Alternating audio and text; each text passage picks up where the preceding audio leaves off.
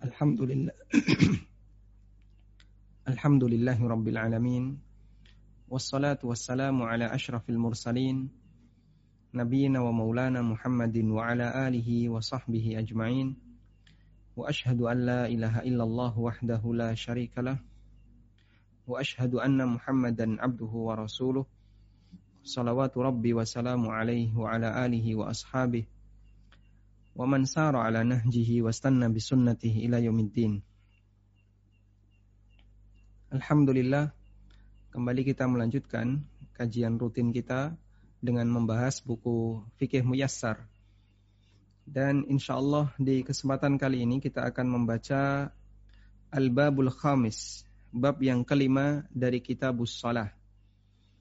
Bab yang kelima dari bab salat, yaitu tentang salatut tatawwu, salat sunnah. Wa fihi masail. Kita gunakan share konten agar pemirsa juga bisa ikut membaca. Penulis mengatakan di bab tentang salat sunnah. Wal muradu bitatawwu kullu ta'atin laysat biwajibah. Yang dimaksud dengan tatawu adalah semua ketaatan yang hukumnya tidak wajib. Dan Nabi Shallallahu Alaihi Wasallam menyebut istilah tatawu di sini berlaku pada sholat tatawu, puasa tatawu, termasuk juga zakat tatawu. Ada orang Badui yang datang kepada beliau. Lalu tanya, apa kewajiban yang harus aku lakukan dalam sholat? Kewajiban sholat apa yang harus aku lakukan? Kemudian Nabi Shallallahu Alaihi Wasallam mengatakan, khamsa salawatin fil yaumi wal laylah. Salat lima waktu sehari semalam. Lalu orang ini bertanya lagi, adakah yang lain? Jawab Nabi Sallallahu Alaihi Wasallam, enggak ada. Illa antatatawwa'a kecuali kalau kamu mau menjalankan yang tatawu. Kemudian orang ini bertanya lagi. Kewajiban puasa apa yang harus aku kerjakan? Lalu Nabi Shallallahu Alaihi Wasallam memberikan jawaban, saum Ramadan, puasa Ramadan. Kemudian orang ini tanya, ada nggak yang lain? Jawab Nabi Sallallahu Alaihi Wasallam nggak ada. Illa anta tatawwa Gak ada kecuali kalau kamu mau melakukan yang tatawu, yang sunnah. Demikian pula dalam masalah zakat. Nabi SAW ketika menjelaskan kewajiban dalam harta adalah zakat, kemudian sahabat ini bertanya lagi, ada enggak yang lain? Jawab beliau SAW, la illa anta tatawwa. Gak ada kecuali kalau kamu mau menjalankan yang tatawu. Sehingga tatawu adalah kullu ta'atin, semua bentuk ketaatan yang hukumnya tidak wajib. Kita jadikan ini sebagai istilah yang uh, apa ya, yang yang bagi kita nggak asing lagi. Kita biasakan dengan penyebutan sholat tatawu, puasa tatawu, zakat tatawu, amal tatawu, artinya adalah amal yang tidak wajib. Kemudian wafihi masail ada beberapa pembahasan dalam bab ini.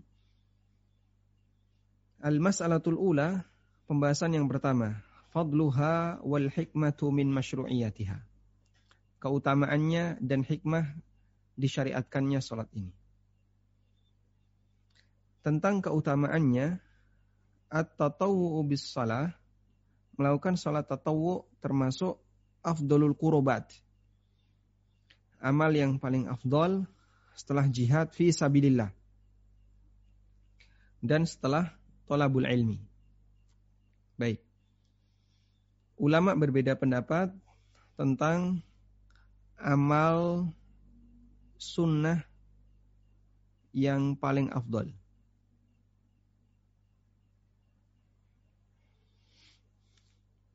Ada yang mengatakan bahwa amal yang paling afdol adalah salat.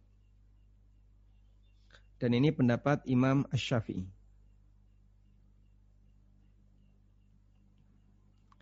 Dan ada yang mengatakan amal yang paling afdol adalah jihad. Dan ini pendapat Imam Ahmad dalam satu riwayat, dalam salah satu riwayat. Ada yang mengatakan bahwa amal yang paling afdol adalah belajar agama. Dan ini pendapat Abu Hanifah, kemudian pendapat Imam Malik, dan juga pendapat Imam Ahmad dalam salah satu riwayat. Dalam riwayat lain. Baik. Sehingga Imam Ahmad punya dua pendapat dalam masalah ini. Dan di sini penulis mengatakan bahwa sholat sunnah itu di bawahnya tolabul ilmi. Berarti beliau mengambil pendapat yang mengatakan amal yang paling afdal adalah tolabul ilmi. Di antara dalil bahwasanya ini termasuk amal yang paling afdal adalah mudawamatun Nabi sallallahu alaihi wasallam, rutinitas Nabi sallallahu alaihi wasallam. Di mana beliau beribadah kepada Allah binawafi binawafilis salawat dengan mengerjakan salat sunnah. Ada istilah tatawu at-tatawwu. Istilah yang lain adalah an-nafilah. Bentuk jamaknya an-nawafil. Artinya sama, yaitu amal sunnah. Berdasarkan hadis Abu Hurairah radhiyallahu anhu, Nabi sallallahu alaihi wasallam bersabda, "Inna Allah Ta'ala qal Sesungguhnya Allah Ta'ala berfirman. Berarti hadis Qudsi. Man adali waliyan faqad adzantuhu bil harbi. Siapa yang memusuhi waliku? Man adali waliyan, siapa yang memusuhi waliku? Faqad adzantuhu bil harbi. Maka aku umumkan perang dengannya. Sehingga di sana ada dosa yang ditantang perang dosa yang hukumannya ditantang perang. Yang kita kenal adalah makan riba. Dan ini sudah sering kita dengar. Yang kedua adalah ya, memusuhi wali Allah. Masya Allah. Allah Ta'ala berfirman, Man ada li waliyan faqad adzantuhu bil harbi. Siapa yang memusuhi waliku, maka aku umumkan untuk berperang dengannya. Sehingga orang yang memusuhi wali Allah alamat celaka. Ini sangat berbahaya. Lalu siapakah wali Allah Subhanahu wa taala? Allah telah jelaskan itu dalam Al-Quran. Tepatnya di surat Yunus. Ala inna awliya Allahi la khawfun alaihim wa lahum yahzanun alladzina amanu wa kanu yattaqun. Kita buka firman Allah di surat Yunus. Ayat 60 kalau tidak salah 62 ya. Nah. Allah Subhanahu wa taala berfirman, "Ala inna awliya Allah la khaufun 'alaihim wa yahzanun."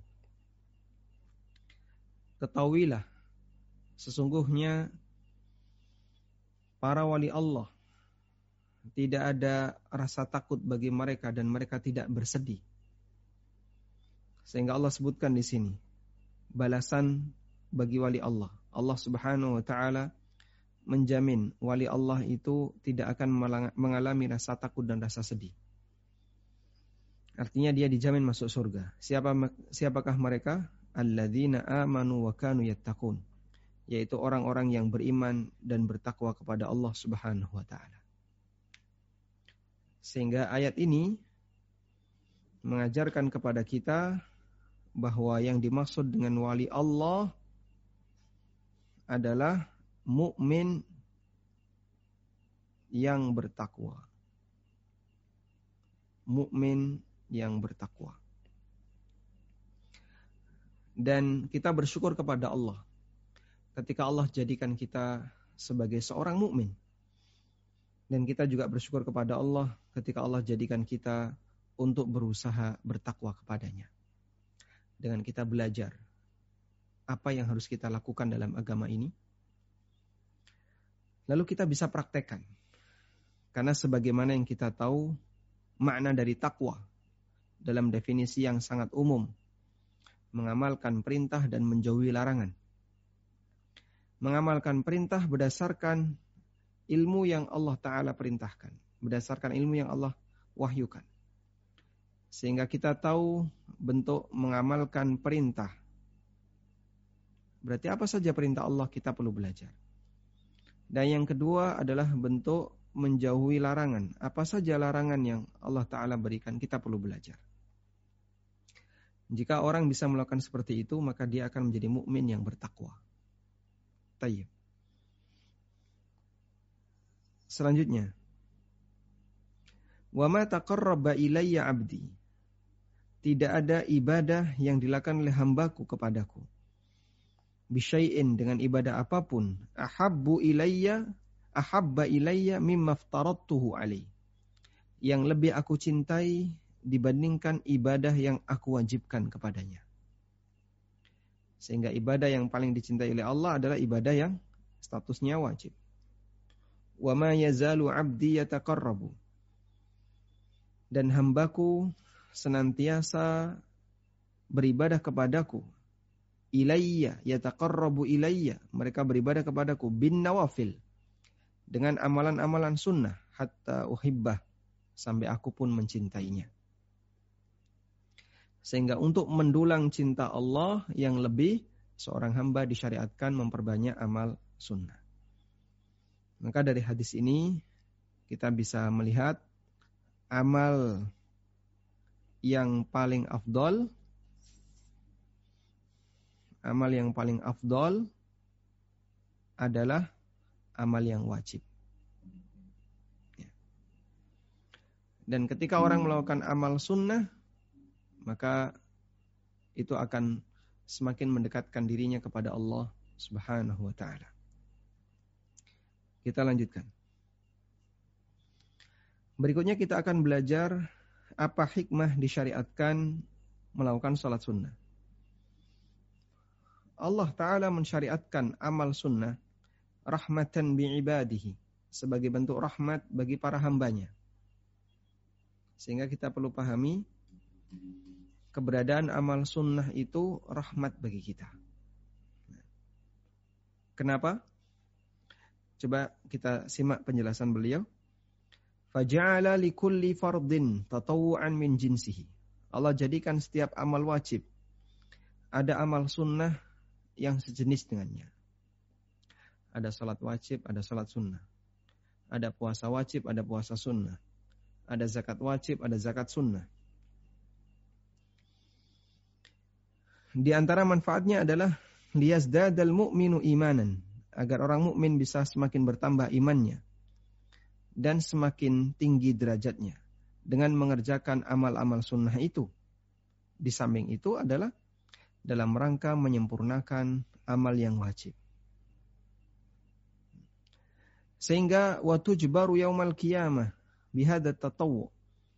Amal yang wajib itu ditutupi kekurangannya kelak di hari kiamat dengan amal sunnah tersebut fa innal faraid karena yang namanya amal wajib ya'tarihan naqs sangat berpotensi mengalami kekurangan. Dan kita sangat yakin dalam setiap ibadah yang kita kerjakan pasti ada potensi salah, pasti ada potensi kurang. Di Indonesia kita baru saja mengerjakan sholat isya yang wajib. Dan saya yakin sholat saya masih kurang. Jamaah yang lain juga yakin sholat kita semuanya masih kurang. Lalu Allah subhanahu wa ta'ala syariatkan kita sholat sunnah untuk menutupi nilai kekurangan itu. Baik. Sehingga kalau sholat wajibnya nggak berkualitas, sholat sunnahnya juga nggak berkualitas. Ya tidak berkualitas, tambah tidak berkualitas. Ya, semoga bisa semakin menaikkan dikit. Ya, meskipun dua-duanya cukup tidak berkualitas. Tapi dengan keberadaan sholat tatawu, ya minimal mengurangi beban ke kekeliruan ya. Bentuk kesalahan yang ada dalam sholat wajib. Sebagaimana disebutkan dalam hadis Abu Hurairah radhiyallahu anhu Nabi sallallahu alaihi wasallam bersabda, "Inna awwala ma yuhasabu bihil abdul muslim." Sesungguhnya bagian pertama yang akan dihisap dari seorang hamba muslim kelak di hari kiamat adalah sholatnya. Pertama yang akan dihisap kelak di hari kiamat adalah salat. Para ulama mengatakan begini.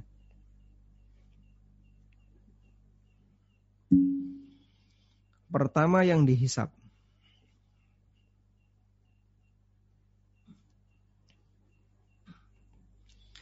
Jika bentuknya amal, maka yang pertama dihisap adalah sholat. Jika bentuknya muamalah, interaksi antar sama hamba, maka yang pertama dihisap adalah darah. Dan jika bentuknya harta, maka yang pertama dihisap menurut sebagian riwayat adalah air. Masya Allah. Air segar yang kita minum. Air dingin yang kita gunakan untuk minum. Ya. Air-air biasa itu. Allah Subhanahu wa taala akan menghisap harta kita adalah air, apalagi yang lain. Nah, kita lanjutkan. Amal pertama yang akan dihisap dari seorang hamba yang muslim kelak di hari kiamat adalah salat. Fa'in atammaha. Kalau dia sempurnakan salatnya, maka dia mendapatkan balasan yang sempurna. Wa illa kil maka jika tidak dan jika tidak Allah perintahkan kepada malaikat. Unduru hallahu min tatawu. Perhatikan. Apakah orang ini punya sholat sunnah? Apakah orang ini punya amal sunnah? Fa in kana lahu tatawu'un. Kalau dia punya amal sunnah, akmalat ukmilatil faridatu min tatawu'ihi. Maka amal wajib itu akan dilengkapi dengan amal sunnahnya. Lalu kata Nabi SAW, ثم يفعل بسائر الأعمال المفروضة مثل ذلك. Kemudian seluruh amal yang wajib disikapi dengan cara hisap seperti itu. Yang wajib dulu diperhitungkan. Kalau masih ada yang kurang, maka ditanya apakah dia punya yang sunnah atau tidak. Kalau dia punya digunakan untuk nutupi, kalau tidak ya berarti kewajibannya masih kurang dan dia berhak untuk mendapatkan hukuman. Baik. Sehingga dari sini kita bisa mendapatkan kesimpulan mengenai hikmah keberadaan amal sunnah. Hikmah yang pertama adalah hikmah yang pertama untuk menutupi kekurangan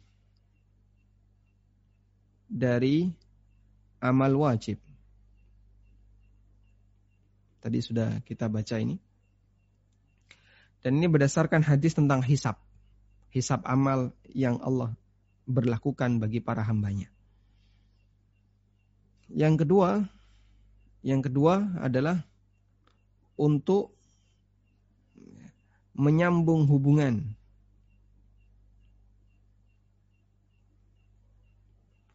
antara hamba dengan Robnya. Sehingga setelah amal wajib nanti dia bisa melakukan amal lagi. Bisa melakukan amal lagi. Hubungan itu, hubungan itu akan terus tersambung. Terus tersambung antara Allah Subhanahu wa taala, antara hamba dengan Robnya, Allah Azza wa Jalla. Kemudian yang ketiga tadi disebutkan ya, untuk meningkatkan iman dan derajat. Untuk meningkatkan iman dan derajat ya. Ketika seorang hamba berada di surga. Nah. Dan kalau boleh kita tambahkan bahwa dengan melakukan amal tatawu maka eh, kita akan dinaikkan derajatnya di surga, mendapatkan pahala yang lebih ketika di surga. Sampai derajatnya ditinggikan. Sebagaimana disebutkan dalam riwayat yang sahih, ada seorang sahabat yang melayani Rasulullah Sallallahu Alaihi Wasallam. Kemudian seusai beliau melayani Nabi SAW, Rasulullah SAW minta kepada orang ini, Sal, silahkan minta sesuatu. Jawab orang ini, murafaqataka fil jannah. Saya cuma minta satu. Apa itu? Bisa menemani Anda di surga. Kemudian Nabi SAW mengatakan, awa ghaira dhalik, yang lain saja, jangan yang itu. Jawab sahabat ini, la, hanya itu. Kemudian Nabi SAW mengatakan, idan fa'inni ala dzak ala dzalika bikathratis sujud. Nabi SAW mengatakan, kalau begitu bantu aku untuk mewujudkan cita-citamu dengan memperbanyak sujud. Dan tentu saja yang dimaksud memperbanyak sujud adalah memperbanyak amal sunnah. Salat sunnah. Wallahu alam. Baik, walhamdulillahirabbil Berikutnya kita akan membaca al-mas'alatu tsaniyah fi aqsamiha. Kita akan membaca pembahasan yang kedua tentang macam-macam salat tatawu. Salat tatawu ala nau'ain. Salat tatawu itu ada dua. Pertama adalah salat yang muakkatah. Salat yang ditetapkan waktunya bi auqatin muayyana dengan waktu tertentu dan itu disebut dengan an-nawafilul muqayyada. Salat sunnah yang muqayyada. Wa hadhihi minha ma huwa tabi'un lil faraid kas sunanir rawatib wa minha ma laysa bitabi'in ka salatil witri wa duha wal kusuf. Dan salat yang dibatasi waktunya itu ada yang dia mengikuti salat wajib. Seperti sholat sunnah rawatib, termasuk juga malai sabitabiin, ya. sholat yang tidak mengikuti sholat wajib seperti sholat witir, duha, dan kusuf. Yang kita tahu sholat-sholat ini waktunya telah ditetapkan oleh syariat. Dan sholat yang waktunya sudah ditetapkan oleh syariat disebut dengan sholat muqayyada. Nah. Yang kedua, salawatun ghairu muaqqatatin bi awqatin muayyana. Salat yang tidak dibatasi waktunya dengan waktu tertentu. Disebut juga dengan an-nawafil al-mutlaqah. Amal ibadah yang sifatnya mutlak karena tidak ada batasan waktu tertentu.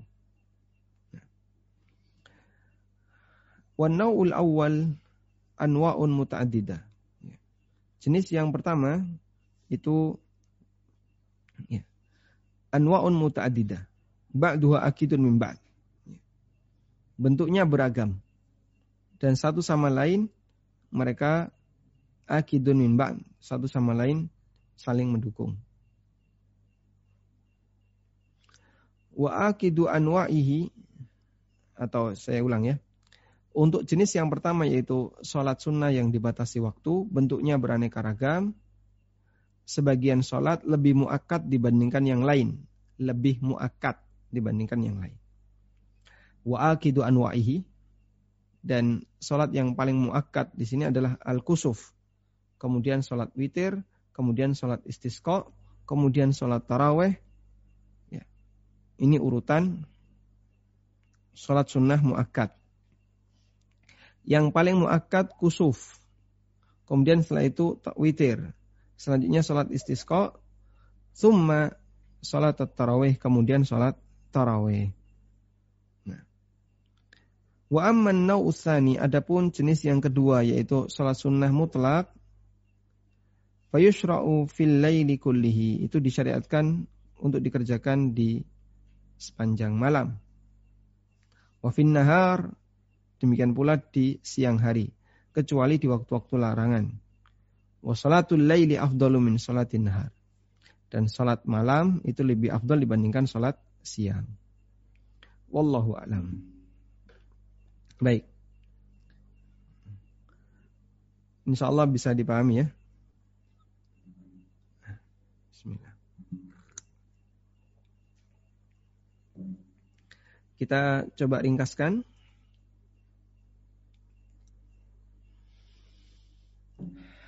Alhamdulillah. Tentang macam-macam sholat sunnah.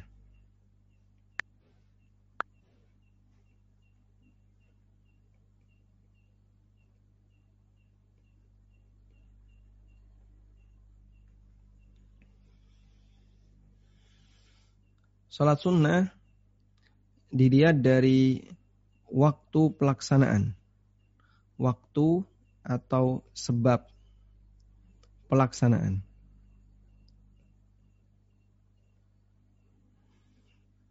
Sudah?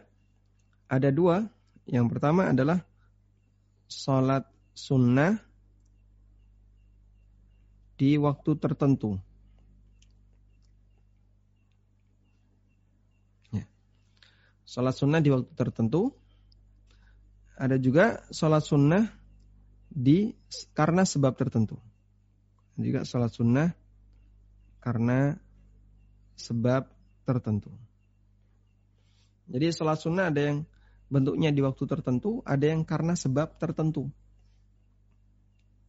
Contoh di waktu tertentu, sholat duha. Terus apa lagi? Sholat witir setelah isya. Terus apa lagi? Sholat rawatib dan beberapa sholat yang lainnya. Tayyib. Nah, untuk sholat yang dia sudah ditetapkan waktu dan sebab pelaksanaannya, maka uh, ini disebut dengan sholat sunnah muqayyadah.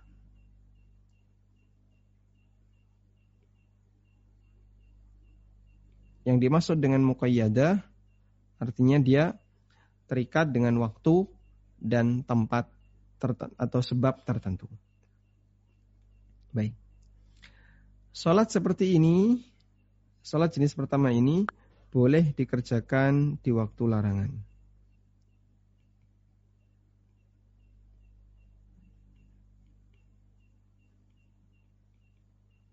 Misalnya apa? Nah, di waktu larangan. Misalnya sholat tahiyatul masjid, berarti dia sholat yang punya sebab tertentu. Mengerjakan sholat tahiyatul masjid setelah asar boleh enggak? Pendapat yang kuat boleh. Setelah subuh boleh. Baik, karena uh, sholat ini adalah sholat yang dilakukan dengan sebab tertentu sehingga boleh dikerjakan di waktu larangan. Menurut pendapat yang lebih mendekati. Kemudian yang kedua, macam-macam sholat sunnah dilihat dari kalau tadi waktu, kemudian sebab pelaksanaan, dilihat dari uh, ini yang kedua belum ya? Yang kedua adalah sholat sunnah tanpa batas waktu. Sholat sunnah tanpa batas waktu ini disebut dengan sholat sunnah mutlak. Nah, sholat sunnah mutlak ini tidak boleh dikerjakan di waktu larangan. Ya. Tidak boleh di waktu larangan. Baik. Alhamdulillah. Selanjutnya. Tadi pembagian salat sunnah berdasarkan waktu dan sebab pelaksanaan. Berikutnya kita akan beralih pembagian salat sunnah berkaitan dengan apakah harus ada secara independen ataukah tidak. Berdasarkan statusnya, saya tulis saja status.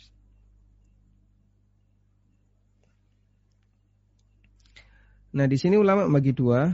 Yang pertama adalah ada sholat yang sholat sunnah yang maksud dan lidatihi.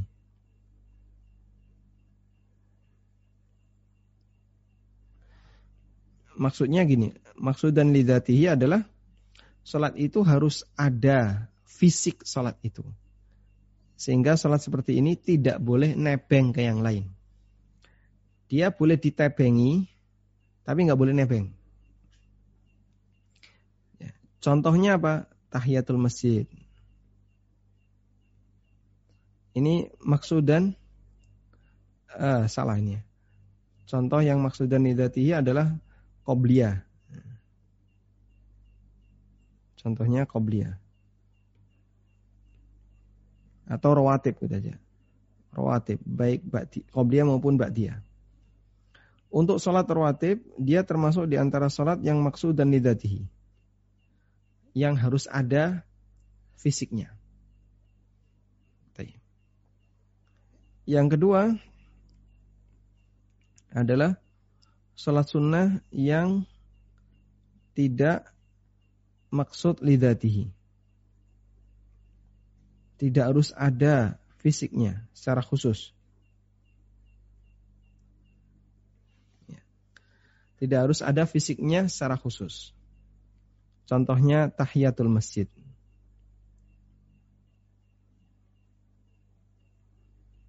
Baik. Baik, coba maksudnya gimana? Ya. Kalau tahiyatul masjid tadi kan masuk sholat sunnah muqayyada. Nah ini kok masuk sholat sunnah yang tidak maksud lidatihi. Jadi hadisnya seperti ini ya. Idza dakhala ahadukumul masjid fala yajlis hatta ata hatta yarka rak'atain. Kalau kalian masuk masjid jangan duduk sampai sholat dua rakaat. Berarti intinya masuk masjid jangan duduk sholat dua rakaat. Baik. Terus sholat apa? Qobliyah boleh? Antara adan dan iqamah boleh? Anda uh, masuk waktu duha lalu sholat duha silahkan. Sehingga yang tidak maksud lidati ini bisa digabungkan dengan yang lain. Ya, salat ini bisa digabungkan dengan yang lain. Dan inilah yang sering kita bahas, yaitu permasalahan menggabungkan niat. Menggabungkan niat dalam salat. Wallahu alam. Walhamdulillah. Kita lanjutkan. Al-mas'alatu salithah. Pembahasan yang ketiga. Uh, tadi ada kesimpulan yang disampaikan oleh penulis. Salat lail itu lebih afdol dibandingkan salat siang. Maksudnya adalah salat sunnah salat sunnah di waktu malam lebih afdol dibandingkan sholat sunnah di waktu siang. Ya. Misalnya sholat tahajud, sholat witir, dan seterusnya. Itu lebih afdol dibandingkan sholat malam. Eh, dibandingkan sholat siang. Wallahu alam. Kita lanjutkan. Al-mas'alatu salithah, pembahasan yang ketiga. Ma tusannu lahul jama'atu min salati tatawu.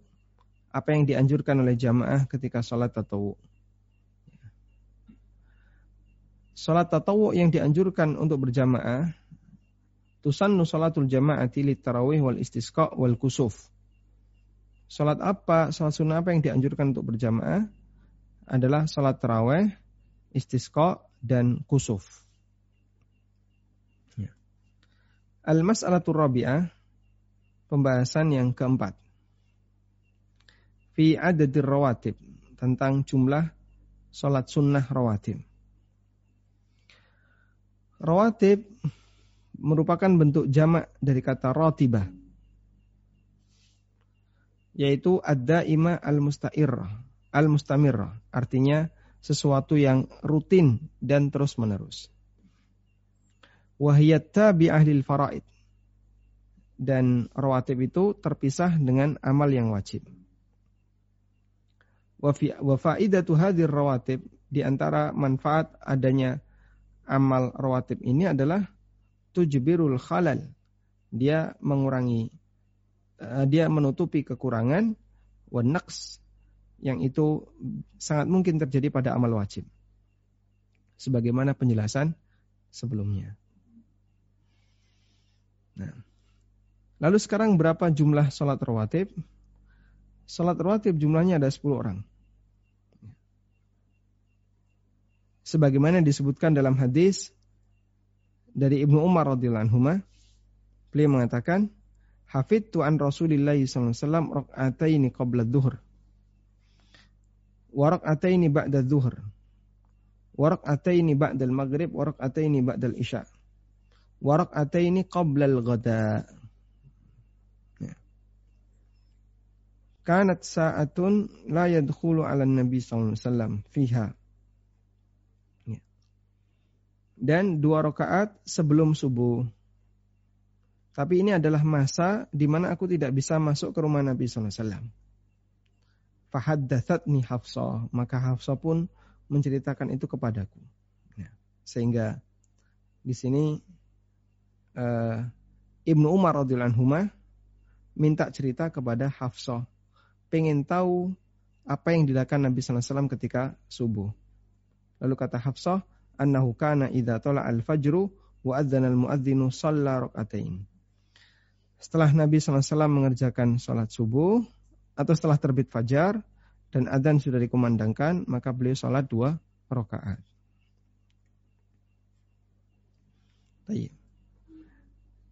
Sehingga kalau kita perhatikan dari Ibnu Umar bahwa rawatib Nabi SAW yang rutin adalah 10 rakaat sebagaimana disebutkan dalam hadis Ibnu Umar.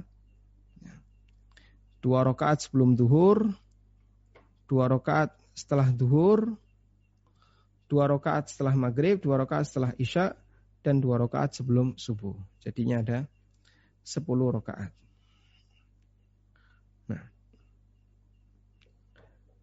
dan sangat ditekankan bagi setiap muslim untuk menghafal atau untuk menjaga untuk menjaga ala sintai ala sintai asyrata rakaatan untuk menjaga 12 rakaat. Biasakan 12 rakaat.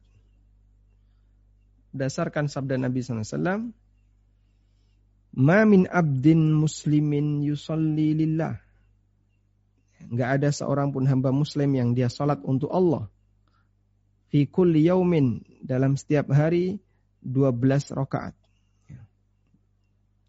Maka Allah akan bangunkan rumah untuknya di surga.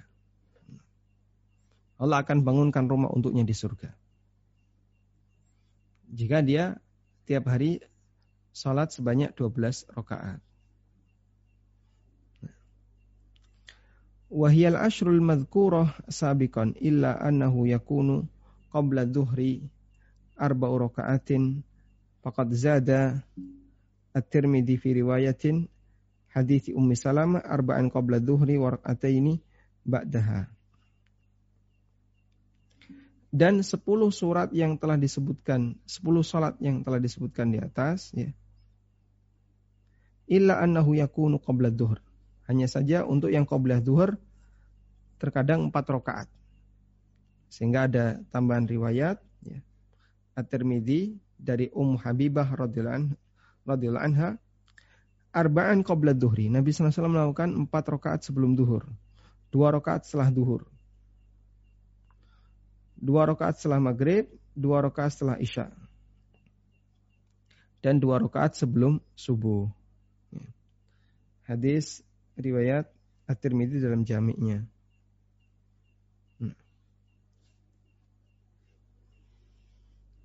Dan terdapat riwayat yang sahih dari Aisyah radhiyallahu anha, beliau menceritakan Nabi SAW tidak pernah meninggalkan empat rakaat sebelum duhur. Sehingga beliau punya kebiasaan mengerjakan empat rakaat sebelum duhur. Wa akadu hadir rawatib. Dan dari sekian banyak sholat rawatib itu, yang paling muakkad adalah qobliyah subuh. Berdasarkan sabda Nabi SAW, dua rakaat qobliyah subuh itu lebih baik dibandingkan dunia seisinya. Dua rakaat qobliyah subuh lebih baik dibandingkan dunia dan seisinya. Dan juga berdasarkan keterangan Aisyah radhiyallahu anha, anhatain rakaatain. Ya. Aisyah pernah menceritakan dua rakaat sebelum subuh itu. Kata beliau, walam yakun yada'uha yada'uhuma abada. Jangan sampai walam yakun atau Nabi SAW tidak pernah meninggalkan dua rakaat sebelum subuh. Dan itu menunjukkan kalau itu adalah sholat sunnah yang muakkad. Wallahu alam. Baik.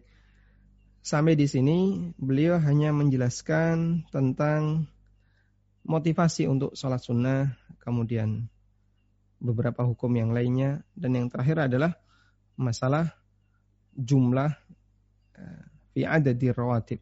Ya. Tentang jumlah sholat rawatib.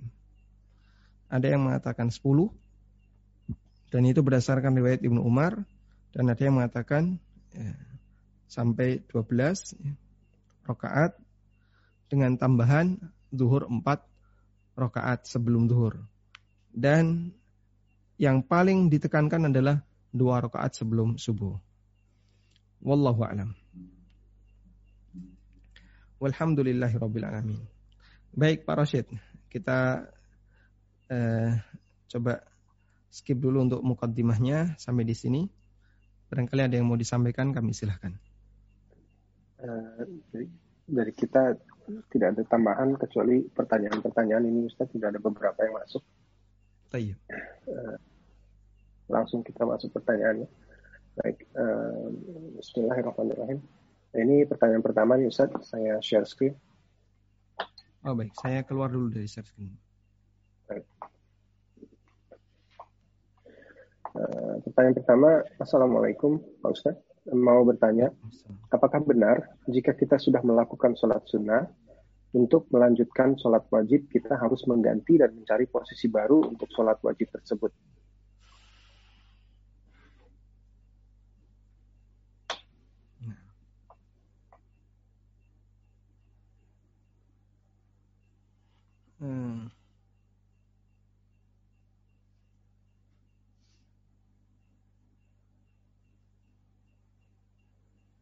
Apakah benar kita dianjurkan untuk pindah tempat ketika kita mau sholat sunnah? Saya kutipkan hadisnya dan keterangan para ulama ya. Nah, saya share konten lagi. silahkan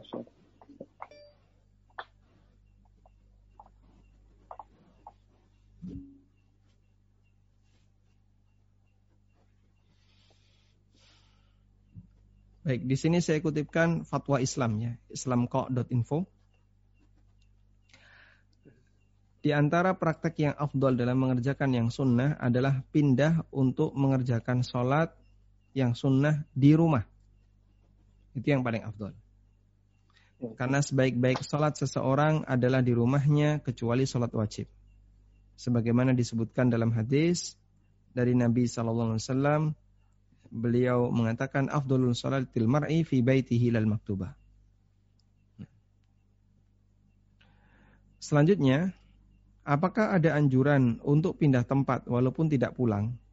Nah, di sini ada keterangan hadis dari Muawiyah radhiyallahu anhu beliau mengatakan, Ida shallaital jum'ata Muawiyah mengatakan kalau kalian sholat Jumat tasilha bi salatin la tasilha bi salatin hatta takallama au takhruja. Maka idza shallaital jumu'ata fala tatasil fala tasilha bi salatin. Kalau kamu selesai salat Jumat, maka jangan langsung disambung dengan salat sunnah ba'diyah. Hatta takallama au takhruj sampai dia bicara atau dia keluar dari masjid. Karena Rasulullah SAW merintahkan kita melakukan itu. Allah tu salat salatun bi salatin hatta natakallama au nakhruj. Bahwa tidak boleh menyambung salat dengan salat wajib yang lain sampai dia bicara atau dia keluar ya, dari masjid. Tayyib. Kita simak keterangan An-Nawawi. Dalam syarah Sahih Muslim, An-Nawawi mengatakan, pada hadis ini terdapat dalil sebagaimana yang disampaikan oleh para ulama madhab kami, yaitu Syafi'iyah. Bahwasanya amal sunnah ratibah, amal sunnah rawatib, dan yang lainnya, ya, yustahabbu ayyutahawwala laha an maudhi'il faridah. Dianjurkan untuk pindah dari tempat sholat wajibnya ke tempat yang lain. Dan yang paling afdol ketika berpindah adalah mendekat ke Ka'bah. Eh, wa afdalu tahawul dan yang paling afdol adalah berpindah dengan cara pulang ke rumah. Salatnya dikerjakan di di rumah. At-tahawul ilal bait dengan cara pulang ke rumah. Wa illa famaudiun akhar minal masjid. Kalau tidak, maka dia bisa cari tempat yang lain di masjid. Au ghairahu liyaksura mawadi'i sujudi. Atau di tempat yang lain agar memperbanyak tempat sujudnya. Wal tanfasil suratun nafilah an suratil faridah. Dan agar semakin terpisah antara sholat wajib dengan sholat sunnah. Ini keterangan An-Nawawi. Sehingga di sini Imam Nawawi menganjurkan ketika kita selesai sholat wajib agar kita berpindah tempat untuk mengerjakan sholat sunnah. Dan di antara hikmahnya adalah bahwa kata Nawawi itu bisa memperbanyak tempat sujud. Di samping itu juga agar sholat sunnah ini tidak menyatu dengan sholat yang wajib secara fisik. Karena dia sudah dipisahkan. Wallahu a'lam. Kemudian disebutkan dalam riwayat yang lain. Ya. Ini diriwayatkan oleh Abu Dawud, Ibnu Majah, dari Abu Hurairah radhiyallahu anhu Nabi SAW bersabda, "Ayak jizu ayat jizu ahadukum idza shalla ayataqaddama aw yata'akhkhar aw an yaminihi aw shimalihi. Yakni subha. Apakah kalian tuh merasa kerepotan? Kalau kalian sholat sunnah maju atau mundur atau ke sebelah kanan atau ke sebelah kiri sehingga kalian bisa memperbanyak bisa memperbanyak tempat sujud. Maka di sini menunjukkan bahwasanya sholat sunnah setelah sholat wajib, ya, sholat sunnah setelah sholat wajib itu dianjurkan untuk berpindah. Wallahu alam. Baik, cukup jelas insya Allah. Cukup insya Allah. Uh, tapi uh, apa Ustaz, untuk kalau sebelum kita pertanyaan yang lain, kalau untuk perempuan, untuk wanita yang uh, sholat di rumah, itu harus pindah juga satu langkah gitu atau di tempat di tempat yang sama? Kalau kita konsisten dengan perkataan An-Nawawi rahimahullah, kita juga dianjurkan untuk berpindah. Atau para wanita juga dianjurkan untuk berpindah meskipun sholat di rumah. Sehingga sholat wajib di posisi tertentu, sholat sunnah di posisi yang lain. Wallahu alam. Baik, uh, kita ke Ibu Amri Badawi di Bekasi, silahkan. Assalamualaikum warahmatullahi wabarakatuh.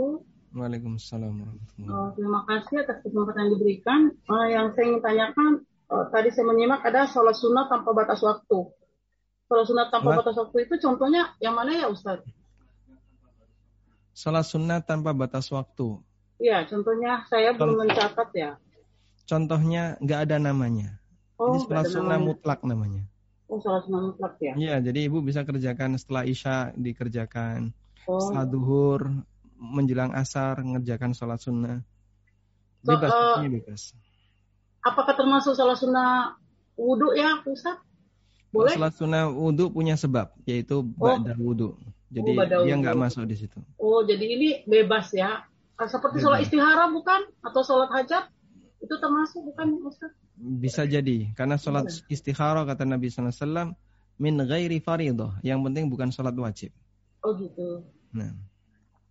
Baik, masih boleh satu? Uh, ya. Apa nih? Apa Bu? Kita mau banyak ada banyak titik pertanyaan ini. Mungkin oh. bisa untuk lain. Baik, baik. Syukron. Baik, terima kasih. Jazakallah khair, Pak Ustaz. Wa jazakallahu khairan. Barakallahu fikum, masyaallah. Mbak Tati, silakan diambil Mbak Bismillah, bismillah. Assalamualaikum uh, Ustaz. Waalaikumsalam uh, apakah, uh, apakah itu nanti akan diajarkan untuk kumpulan-kumpulan sholat uh, tahu sekarang boleh tanya mengenai sholat syuruk.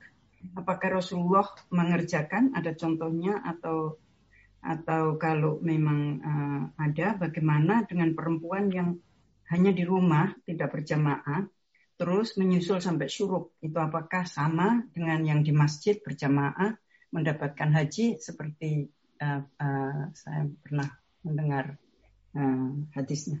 Jazakumullah khair. Khairan. Hmm. baik.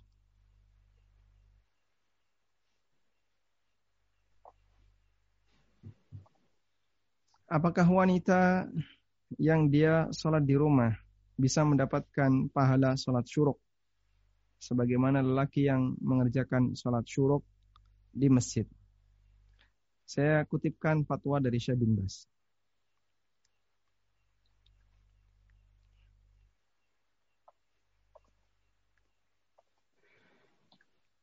Uh,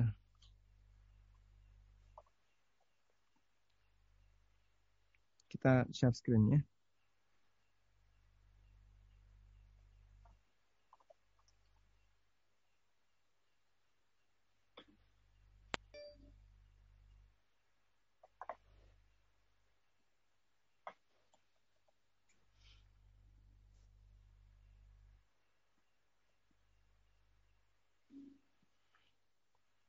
Di sini ada keterangan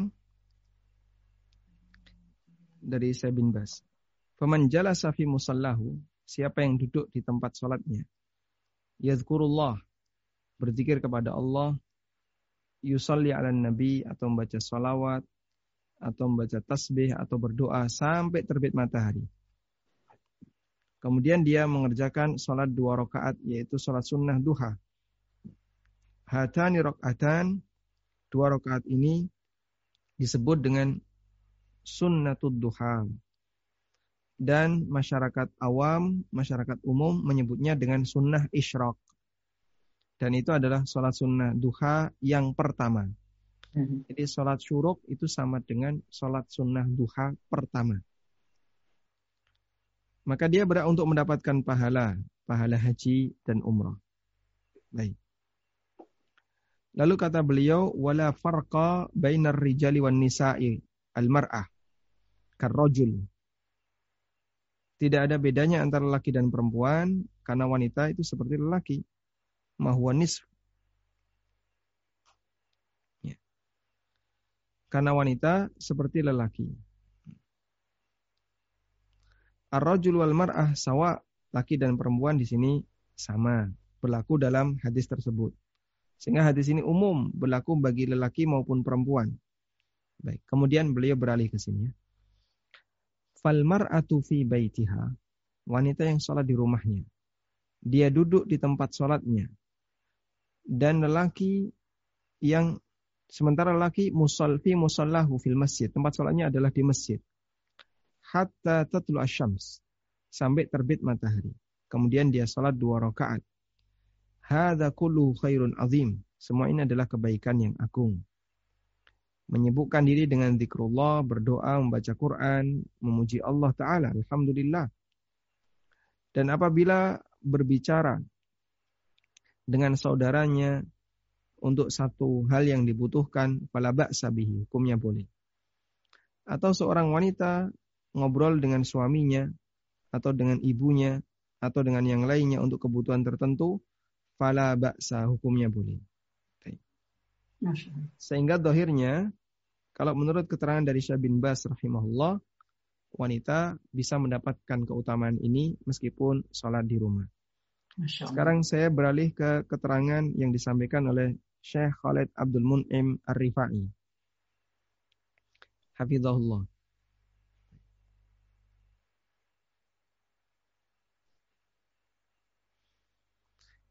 Ada pertanyaan, apakah wanita juga mendapatkan pahala yang sama sebagaimana pahala lelaki ketika mereka sholat subuh dan berzikir setelahnya sampai syuruk, ya. dan kemudian dia sholat dua rakaat. Jawabannya disebutkan dalam hadis riwayat Tirmidzi dari Anas radhiyallahu anhu Nabi SAW bersabda, siapa yang sholat subuh berjamaah kemudian dia duduk berzikir kepada Allah sampai terbit matahari, lalu dia sholat dua rakaat, maka dia mendapatkan pahala haji dan umrah sempurna, sempurna, sempurna. Lalu kata beliau, sanad hadis ini doaif tapi dinilai hasan oleh sebagian ulama dengan mengumpulkan banyak jalur.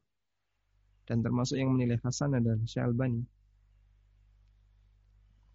Walakin yugni anhu, namun ini bisa diwakili dengan hadis riwayat Muslim dalam sahihnya dari Simak bin Harb bahwa beliau pernah bertanya kepada Jabir bin Samurah. Kata Jabir bin Samurah, eh, kata Simak bin, bin Harb tanya kepada Jabir. Akunta tujalisu Rasulullah sallallahu alaihi wasallam? Apakah kamu pernah duduk barengi Nabi SAW? Jawab Jabir, Naam, kathiran. Iya, sering sekali. Beliau mengatakan, Kana la yakumu min musallahu alladhi yusalli fihi subha awil ghada hatta tatlu asyams. Nabi SAW beliau tidak beranjak dari tempat imaman yang beliau gunakan untuk sholat subuh sampai terbit matahari. Fa'idha tola'at syams. Ketika matahari terbit, beliau berdiri. Maksudnya adalah mengerjakan sholat. Wa kanu yatahaddathuna fayakhuduna fi amril jahiliyah fayadhakun wa yatabassam. Dan para sahabat kadang mereka ngobrol lalu mereka mengingat dulu zaman ketika masih jahiliyah mereka ingat wah kita bertindak bodoh kayak gini kayak gini kadang mereka sampai ketawa dan Nabi SAW senyum melihat uh, ketawa para sahabat. Dan perbedaan dari dua hadis ini adalah tentang pahalanya, pahala haji dan umrah. Wa huwa hukmun yahtaju li dalilin qawi yastanidu alaihi. Ya, dan ini butuh dalil untuk acuannya.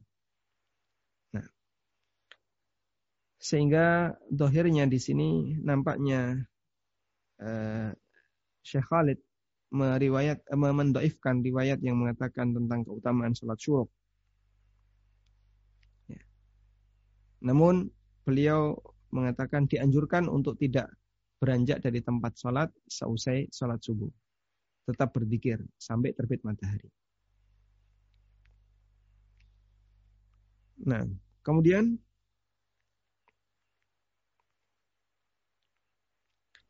apakah wanita jika melakukan itu di rumahnya mendapatkan hal yang sama? Beliau kasih kesimpulan Fal mar'atu idza fa'alat dzalika fi baitiha. Jika wanita melakukan hal itu di rumahnya, kita berharap kepada Allah semoga dia juga mendapatkan amalan sunnah ini. Karena sholat wanita di rumahnya itulah yang terbaik dibandingkan sholat di masjid. Sehingga dianjurkan dan dilihatkan oleh At-Tirmidzi dari dan Ibnu Khuzaimah bahwasanya Nabi SAW bersabda sholatnya wanita di rumahnya lebih afdal dibandingkan sholat di hujuratiha di terasnya dan sholatnya fi makhda'iha di tempat persembunyiannya yaitu kamar untuk daki, untuk para wanita lebih afdol dibandingkan sholat di tengah rumah. Wallahu alam. Kesimpulannya, wallahu alam, dua ulama ini, yang satu Syekh bin Bas, rahimahullah, yang satu Syekh Khalid Abdul Mun'im Ar-Rifai, keduanya membolehkan wanita sholat di rumah, lalu diam di tempat itu, berzikir sampai terbit matahari, kemudian sholat dua rakaat, insya Allah akan mendapatkan pahala sebagaimana disebutkan dalam hadis riwayat Tirmidzi, haji dan umrah sempurna.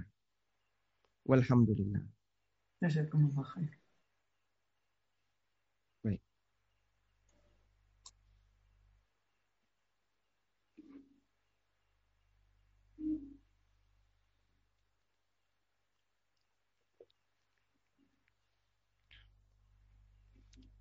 Uh, mic-nya Pak Roshid belum diaktifkan, Pak? Oh, eh, oh baik. maaf. Assalamualaikum warahmatullahi wabarakatuh, Ustaz. Assalamualaikum, Ustaz. Afwan izin bertanya.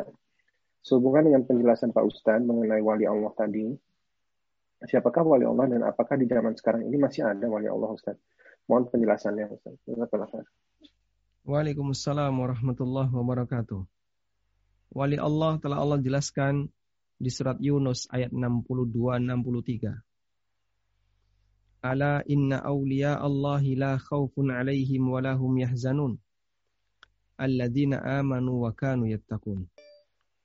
Ketahuilah bahasanya wali Allah adalah orang yang mendapatkan jaminan dia tidak akan mengalami khauf, ketakutan dan juga tidak akan bersedih. Siapakah mereka? Alladzina amanu wa kanu yattaqun, yaitu orang-orang yang beriman yang bertakwa kepada Allah. Sehingga wali Allah adalah mukmin yang bertakwa. Baik. Lalu yang jadi pertanyaan, apakah ada wali Allah di zaman sekarang? Jawabannya, selama ada orang mukmin yang bertakwa, maka selama itu pula akan selalu ada wali Allah. Sehingga tidak ada istilah wali Allah telah tertutup kecuali ketika sudah tidak ada lagi orang mukmin. Dan uh, selanjutnya matahari akan terbit dari barat. Sehingga datang kiamat. Sementara di zaman sekarang apakah masih ada orang mukmin bertakwa? Masih banyak insya Allah. Mukmin bertakwa masih banyak. Dan mereka adalah para wali Allah subhanahu wa ta'ala. Nah. Pada intinya wali Allah itu bukan gelar yang disematkan oleh manusia ya Ustaz. Gimana Pak? Bukan bukan gelar yang disematkan oleh manusia, tapi ini memang uh, dari wahyu Allah bahwa Fala tuzakku, fala tuzakku anfusakum Allah melarang janganlah kalian memuji diri kalian. Sehingga Allah yang tahu huwa a'lamu bimanittaqa. Dia yang paling tahu siapakah hambanya yang bertakwa. Sehingga wali itu tidak akan mungkin ngaku wali. Karena orang yang bertakwa dia tidak mungkin ngaku bertakwa. Maka wali tidak mungkin kemudian menyebarkan aku wali. Ciri bahasanya orang yang mengaku wali bukan wali adalah dia pamer dengan amalnya. Dan orang yang pamer bukan termasuk orang yang bertakwa. Wallahu a'lam. Nah, um, saya lanjutkan ke penanya langsung. Ini Ibu Tim dari Los Angeles, dari Amerika. Silahkan di unmute. Assalamualaikum warahmatullahi wabarakatuh. Jazakallah khairan Pak Ustadz dan admin. Uh, ada sebuah kasus istri yang ingin uh, beribadah kepada Allah banyak, tetapi di sisi lain suaminya itu suka sekali nonton film gitu di TV film-film terbaru dan suaminya selalu ingin agar istrinya duduk nonton film dan menyimak filmnya. Lalu istrinya itu sambil nonton film sambil tetap mendengarkan kajian Pak Ustadz. Kalau melihat uh, amalan yang lebih afdol itu bagusnya seperti apa ya Pak Ustadz? Karena istrinya punya prinsip tidak mau wasting time gitu nonton film yang nggak nggak ada manfaatnya di akhirat gitu Pak Ustadz. Jazakallahu khairan. Masya Allah. Waalaikumsalam warahmatullahi wabarakatuh. Ini betul-betul kasus baru ya. Yang baru saya jumpai. Wallahu alam. Ini solusinya yang tepat gimana? Di satu sisi seorang istri disyariatkan untuk uh, apa mentaati suami, memberikan layanan yang terbaik bagi suami. Di sisi yang lain, suami mengajaknya untuk perbuatan yang la faidata fihi fid dunya wal fil akhirah yang enggak ada manfaatnya dunia dan akhirat. Ya, hanya sebatas wasting time, ya, menyia-nyiakan waktu. Um, ya ini sifatnya hanya saran ya. Sifatnya hanya saran. Kami sarankan mungkin tadi eh, jika suami bisa dilobi maka istri melobi suami boleh nggak misalnya eh, saya kamu nonton film menghadap ke arah TV saya nonton kajian menghadap ke arah HP sambil dengerin pakai headset agar gak ganggu. Kalau suami bersedia seperti itu, insya Allah ini yang terbaik. Kalau nggak bersedia, pokoknya harus nonton film bareng. Maka pilihannya berarti menghadap ke arah yang sama, tapi istri menggunakan headset mendengarkan kajian. Ya, seperti yang tadi disampaikan. Intinya cari cara gimana agar suami tetap tidak sampai pada posisi murka dan di saat yang sama istri juga bisa menambah ilmu dengan mendengarkan kajian. Wallahu alam. Dan saya kira begini ya, e, secara umum manusia itu lebih menghargai aktivitas yang yang bernilai edukasi. Sehingga kalau istri minta izin belajar, secara umum biasanya orang akan menghargai.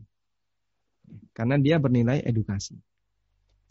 Saya yakin kalau anak-anak hadir di situ dan belajar, pasti bapaknya akan mematikan TV atau mengecilkan TV. Karena dia dalam rangka menghargai orang yang sedang belajar. Wallahu a'lam. Ada kajian umum nggak di di LA ya, Los Angeles? Ada, ada. Kalau, kalau ada oh, kajian kalau ada kajian umum mungkin di satu kesempatan suami diajak ikut hadir mungkin setelah pandemi ya. Semoga Allah taala segera mengangkat wabah ini. Lalu nanti layangkan pertanyaan itu ke ke ustadz atau ke dai yang ada di sana biar Ya paling enggak ketika pertanyaan itu dibaca oleh sang ustadz, setidaknya ya mengenai suami. Ya bahasa lainnya nabok nyeleh tangan gitu ya. Bahasa Inggrisnya apa itu Pak? Nabok nyeleh tangan. saya bahasa Inggris ya Saya ngerti. Nah, betul. Nah, Alhamdulillah. Ya, tapi insya Allah nanti ya, kita juga akan mengadakan dalam bahasa Inggris dengan, Ustadz Sunnah di Baik. Saya hmm. lanjutkan pertanyaan berikutnya ini Ustaz dari yang menitipkan pertanyaan. Assalamualaikum. Pertanyaannya cukup singkat. Assalamualaikum Pak Ustaz. Apakah dalil salat hajat Ustaz? Baik. Apa dalil salat hajat? Ya.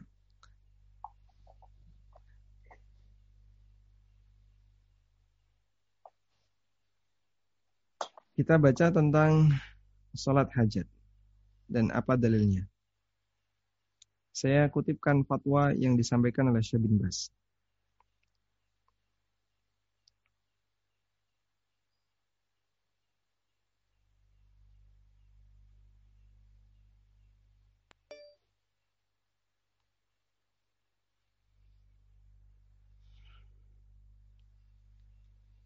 terkait sholat hajat. Ada sebuah hadis yang mengatakan, Kanan Nabiyu sallallahu alaihi wasallam idza hazabahu amrun faza'ila salah. Nabi sallallahu alaihi wasallam ketika beliau punya masalah penting, beliau langsung salat. Nabi sallallahu alaihi wasallam ketika beliau punya masalah penting, punya kasus penting mendesak, maka beliau melakukan sholat. Tujuannya apa? Dalam rangka bermunajat dengan Allah Azza wa.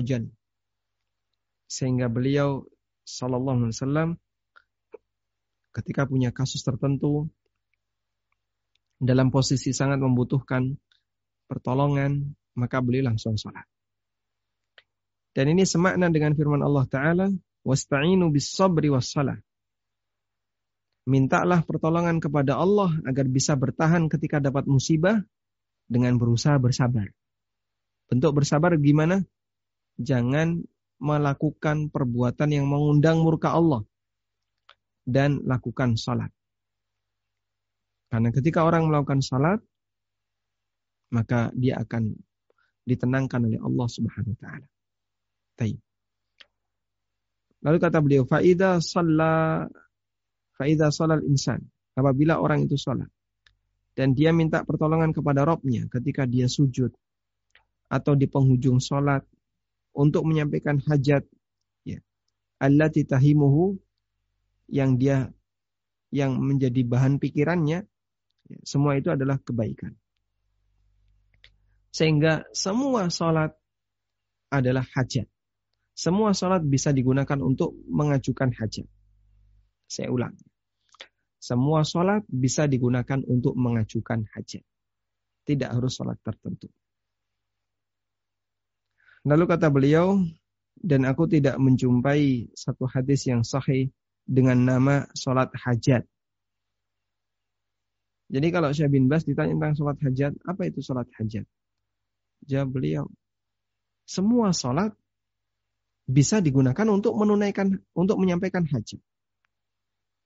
Karena Nabi SAW punya kebiasaan, kalau beliau punya masalah tertentu, masalah genting, sholat, beliau sholat. Dan Allah Ta'ala juga ajarkan agar kita memohon pertolongan kepadanya dengan cara bersabar dan mengerjakan sholat. Nah,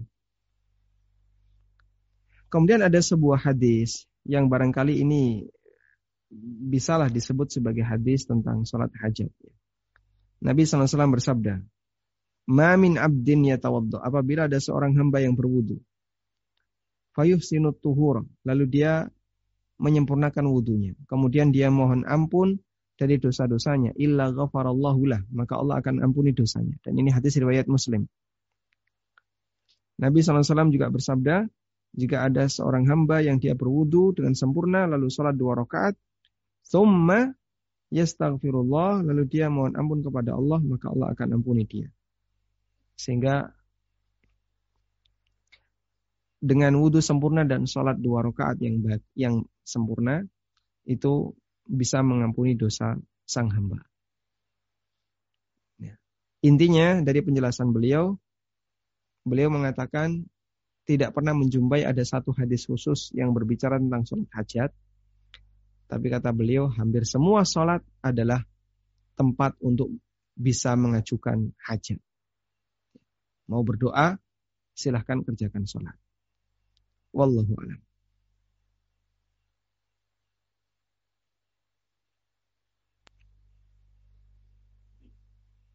Baik.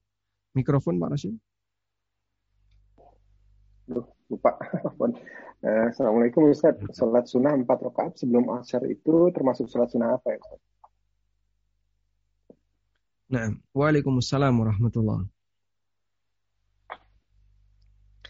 Salat sunnah ada yang muakkad dan ada yang gairu muakkad. Pembagian salat sunnah dilihat dari hukumnya ada yang muakkad dan ada yang gair muakkad. Batasan muakkad dan gair muakkad itu apa?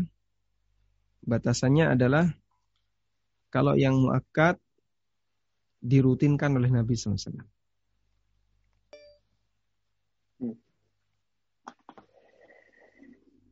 Jadi dilihat dari waktunya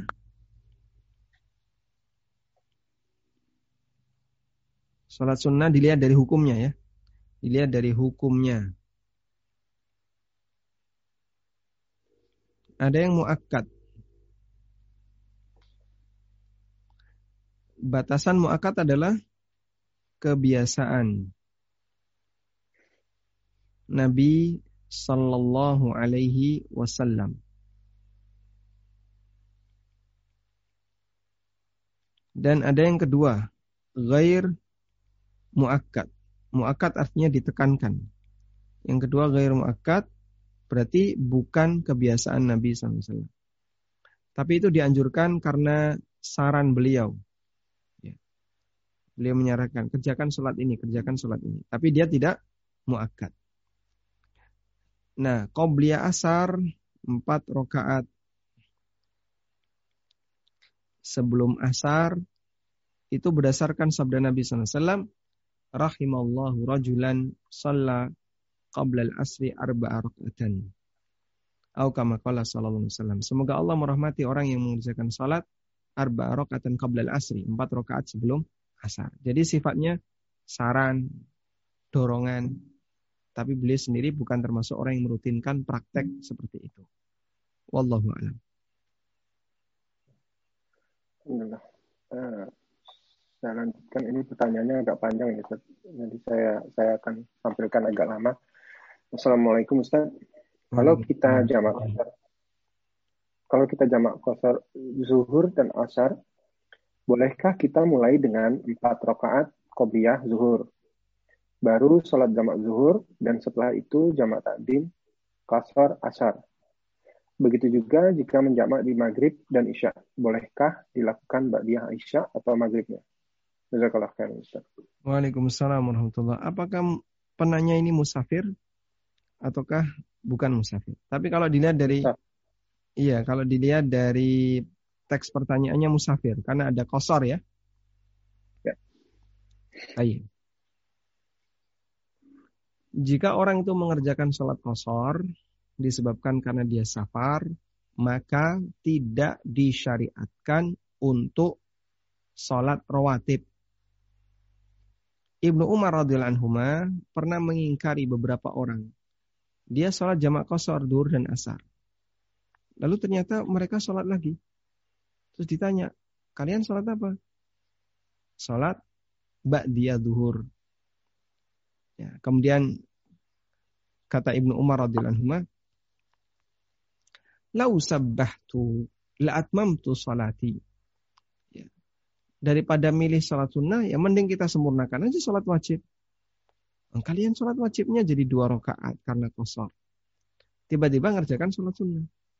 Andai kan kata Ibnu Umar, andai kan saya mengerjakan salat sunnah, ya, maka lebih baik saya genapi salat wajibnya sehingga bukan dua rakaat tapi empat rakaat.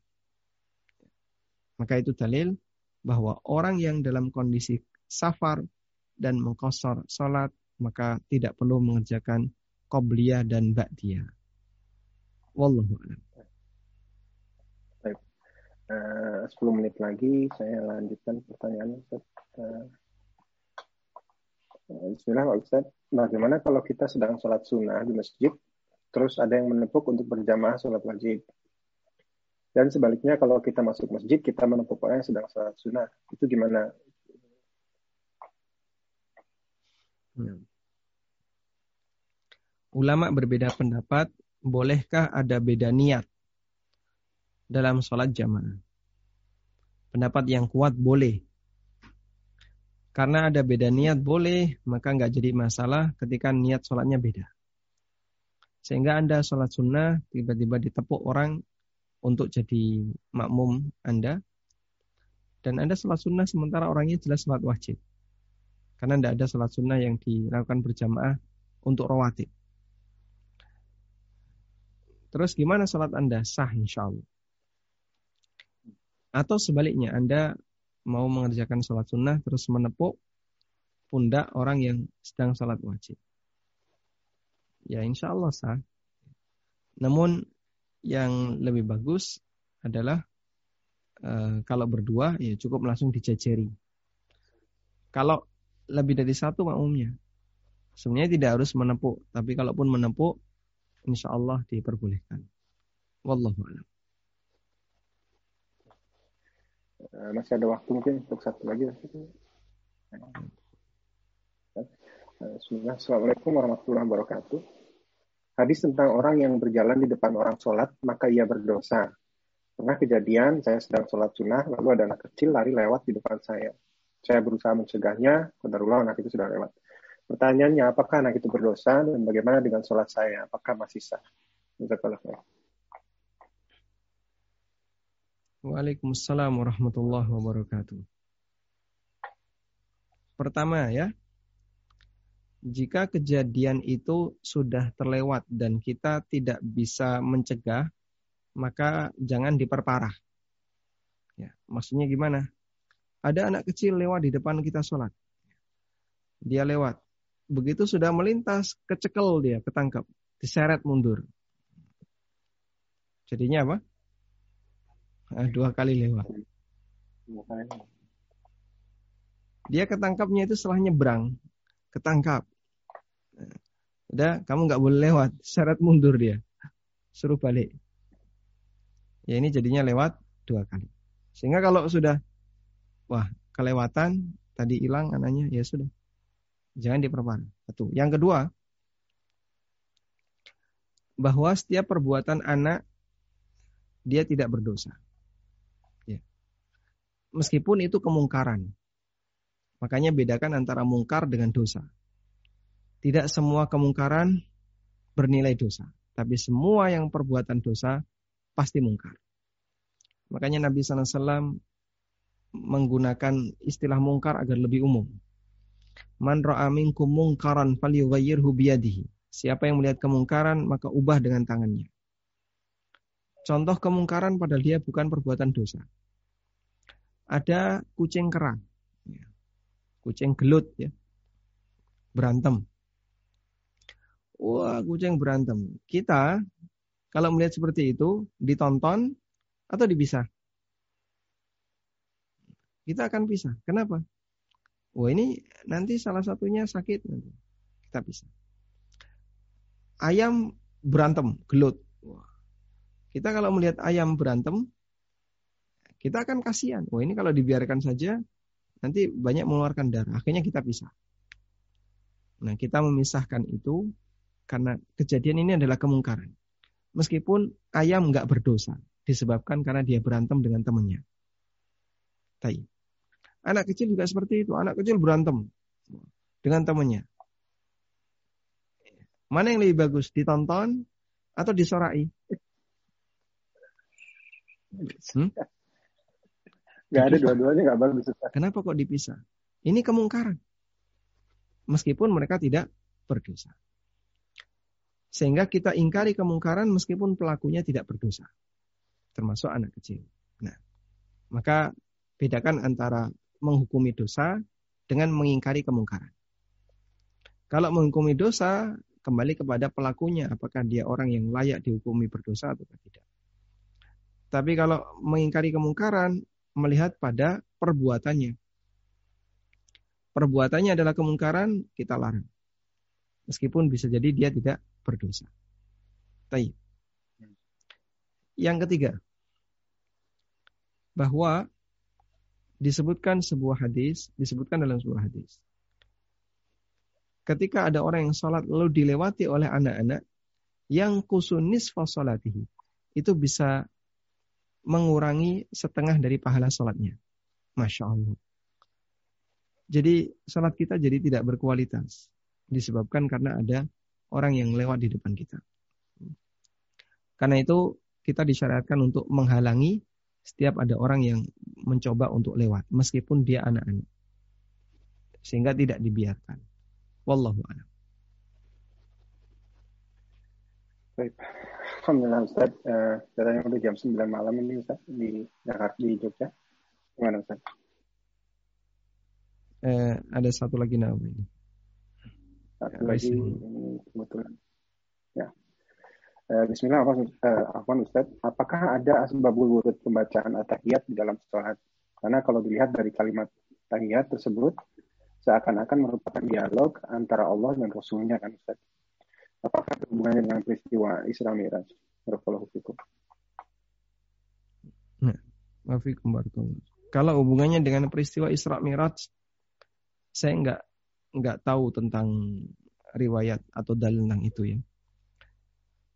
Namun kalau sababul wurudnya uh, ada kalau boleh disebut sababul wurud kita bisa sebut sababul wurud. Jadi sahabat dulu ketika tasyahud akhir atau tasyahud awal. Mereka itu banyak menyampaikan salam. Sehingga saat tasyahud mereka mengucapkan assalamu ala Allah, assalamu ala Jibril, Assalamu ala Mikail, Assalamu ala Nabi, Assalamu ala Abi Bakrin. Dia sebutkan orang-orang yang dia cintai. Assalamu ala walidai, keselamatan untuk kedua orang tuaku. Dia sebutkan nama orang-orang yang dia cintai. Kemudian Nabi SAW ingatkan, La taqulu assalamu ala Allah. Kalian nggak boleh mengucapkan assalamu ala Allah. Fa inna Allah huwas salam. Karena Allah Ta'ala dialah dat assalam. Kemudian Rasulullah Sallallahu Alaihi Wasallam mengajarkan baca kulu at-tahiyatu lillah wassalawat wat tayyibat sampai akhir. Nabi wasallam mengajarkan untuk membaca itu dan di situ ada kalimat assalamu alayka ayuhan nabi. Selamatan untukmu wahai nabi. Menurut Ibnu Mas'ud itu diganti assalamu ala nabi setelah wafatnya Rasulullah wasallam. Lalu kata Nabi SAW, kalau kalian mengucapkan kalimat ini, maka keselamatan itu mencakup semua manusia. Sebagaimana uh, yang disampaikan Nabi SAW, kalau kalian mengucapkan Assalamu alayna wa ala ibadillah salihin, maka seluruh hamba Allah yang soleh mendapatkan salam. Taib. Sehingga di situ memang formatnya dialog, tapi murni diajarkan Nabi SAW karena melihat para sahabat ya, mereka ketika tasyahud itu bacaannya beda-beda antara satu dengan yang lain. Wallahu a'lam. Baik, Alhamdulillah mungkin uh, sudah waktu jam menunjukkan jam 9 di Jakarta eh, di Indonesia. Jadi kita akhirkan saja. Sebetulnya ya Mas, sebetulnya masih ada beberapa pertanyaan tapi waktu sudah sudah malam, sudah larut kelihatannya Ustaz. Baik, insya Allah nanti bisa disampaikan di lain kesempatan insya Allah Ta'ala. Semoga apa yang kita pelajari ini bermanfaat dan bisa kita amalkan dalam kehidupan kita sehari-hari.